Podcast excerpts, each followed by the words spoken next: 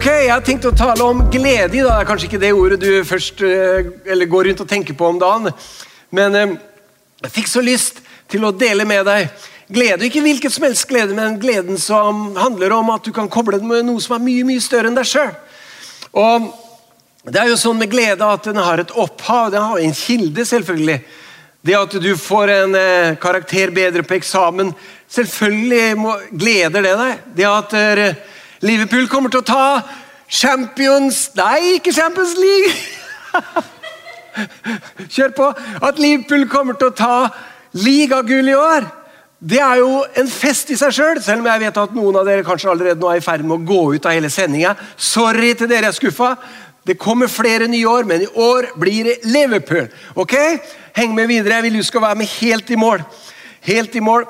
I Lukas 10 så kan du lese om eh, Jesus. Han har eh, planer om å sende disiplene ut på et testoppdrag. Og Han har, gir dem noen instrukser. Og Det er bl.a. at de skal dele seg i to og to, de skal spre seg i landskapet rundt der. Når de kommer på besøk og kommer inn i byen, så skal de forkynne eh, at Guds rike har kommet nær. De skal be for de syke. Og de sendes av gårde. Og de kommer tilbake så begeistra, helt i ekstase, sier det funka, Jesus! Vil ha hendene på de syke, de blir friske. Til og med de onde åndene var oss lydige. Jeg er helt sikker på at svaret som Jesus ga, overraska dem. For Jesus tok det hele ned, og så sier han Vær ikke så opptatt av det at de onde åndene er dere lydige.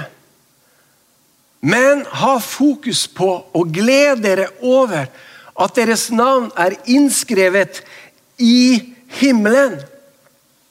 Innskrevet i himmelen. Og så opplever vi noe her som vi kan bare se én gang i eh, Det nye testamentet. Nemlig Jesus. Han, han jubler i Den hellige ånd. Jeg skulle likt å vite hvordan det var. Jeg har alltid sett for at Jesus var litt sånn ærverdig, litt sånn lavmælt når han talte. Alltid sånn orda sine i behold. Men her må det ha skjedd noe. Det står at han jublet i Den hellige ånd. Og så takker han Gud.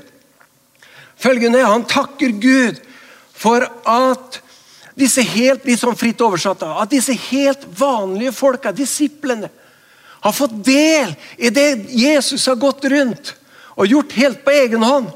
Og Endelig så er det egentlig for Jesus en bekreftelse på at de har akseptert oss Gud. Selv om de har sine feiltrinn, sine begrensninger, så er de endelig kommet dit. Og dette begeistrer Jesus. De er koblet med Gud i himmelen. Vi måler jo glede i prestasjoner, i berømmelse, i penger, ja, i nytelse.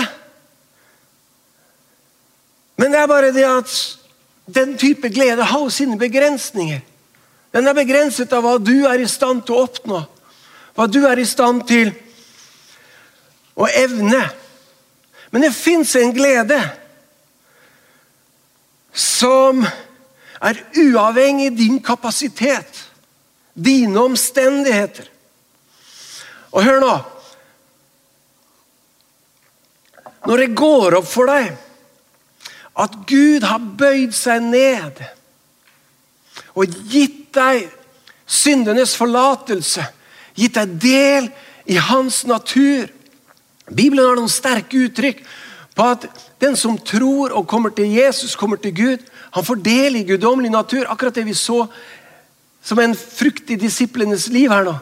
Når det går opp for deg, og når du ser det, at dette har du fått tildelt gjennom enkel tro på Jesus, da er min erfaring at mennesker vitner om en glede som trumfer omstendighetene. Bare når vi er sammen denne formiddagen, denne søndagen, så er det jo tusener, titalls tusener som må lide for sin tro. Og de gjør det med en indre glede. De gjør det med en indre oppdrift, uavhengig hva som er deres ytre omstendigheter. Slik har historien til den kristne menighet vært gjennom alle tider.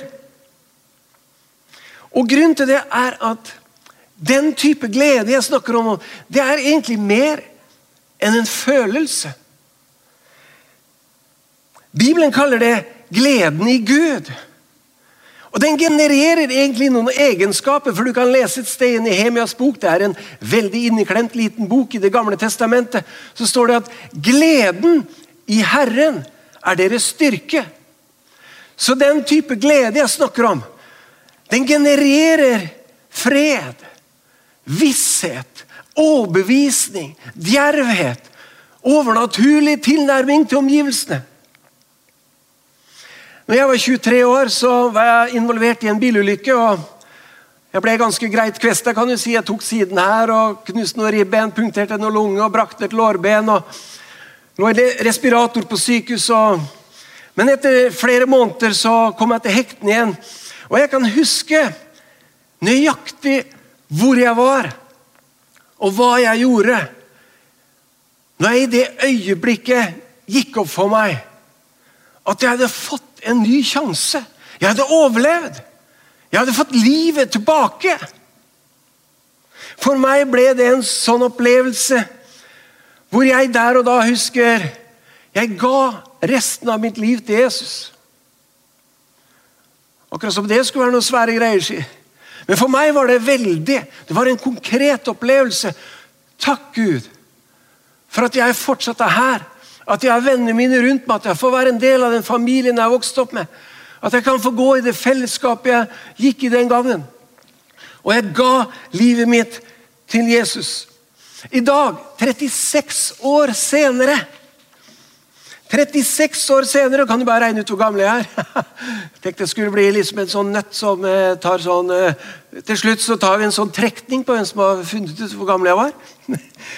Ok, nei, 36 år senere så opplever jeg konsekvensen av det valget. Som en form av en glede. Som har bygd livet mitt.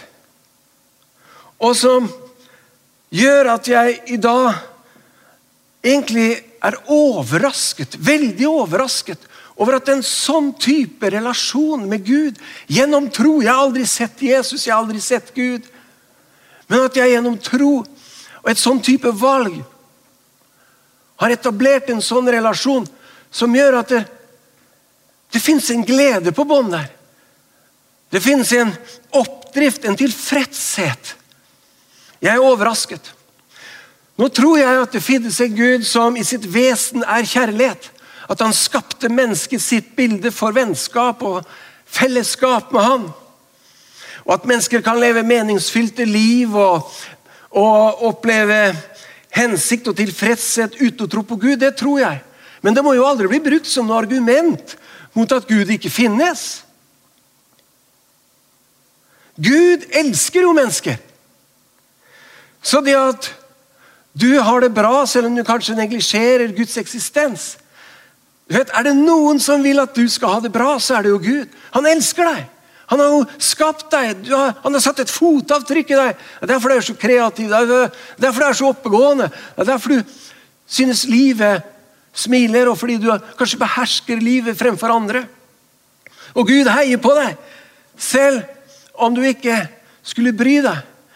Men jeg snakker om en glede som jeg hadde unnt alle mennesker, og som jeg tror er tilgjengelig for alle. Og som er kun mulig gjennom dette gudsfellesskapet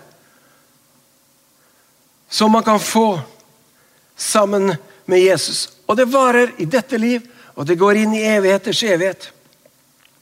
Jeg ønsker ikke å ta lett på dine omstendigheter på noen måte. Jeg snakker jo om en glede som er uavhengig av dine omstendigheter, men jeg har ikke lyst til å ta lett på det. Men jeg håper du skjønner at jeg respekterer deg hvor du enn er i livet. Men jeg snakker om å ha erfaring når jeg sier at Jesus har hatt betydning for min hverdag Jeg vet at livet mitt hadde sett annerledes ut uten Jesus. Uten troen, uten det kristne fellesskapet. Såpass godt kjenner jeg meg sjøl. Jeg vet det hadde sett annerledes ut.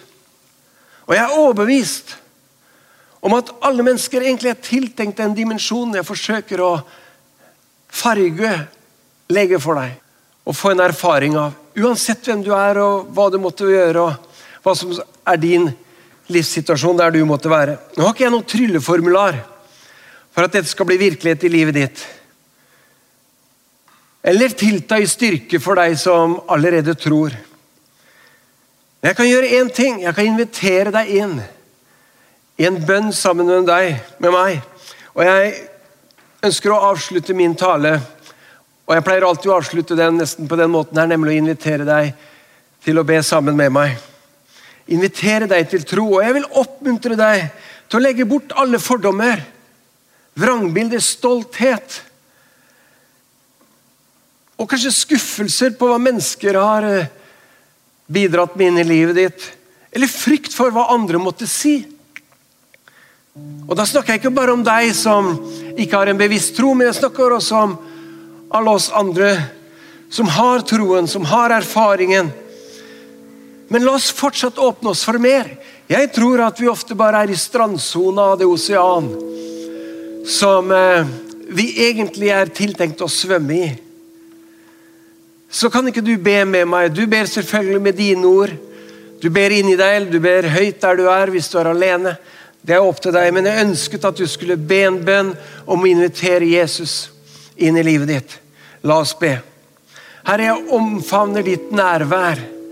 Jeg vet du vil nå inn til oss. Takk, Hellige Ånd, for at du taler til vårt indre menneske. Takk for at du er uavhengig om vi er i en katedral, i en kirke, eller om det finnes visse stemninger eller atmosfærer. Men du er hos alle akkurat nå. For det er sånn du er. Du er en far som ønsker å være sammen med dine barn.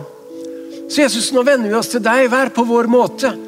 Og så ber vi en bønn om at du ikke bare kjennes som nærværende her, men som noe som etableres i vårt liv, og som kan vokse seg frem til å bli denne dype, fundamentale gleden over at jeg er barn av Gud. Jeg har en evighet i vente hos ham. Og jeg får begynne med fellesskap med Gud, med Jesus, med gode mennesker, med menighet, kristent liv. Så Jesus, takk for at du er med oss inn i en ny uke. Takk for din velsignelse over våre liv. Amen.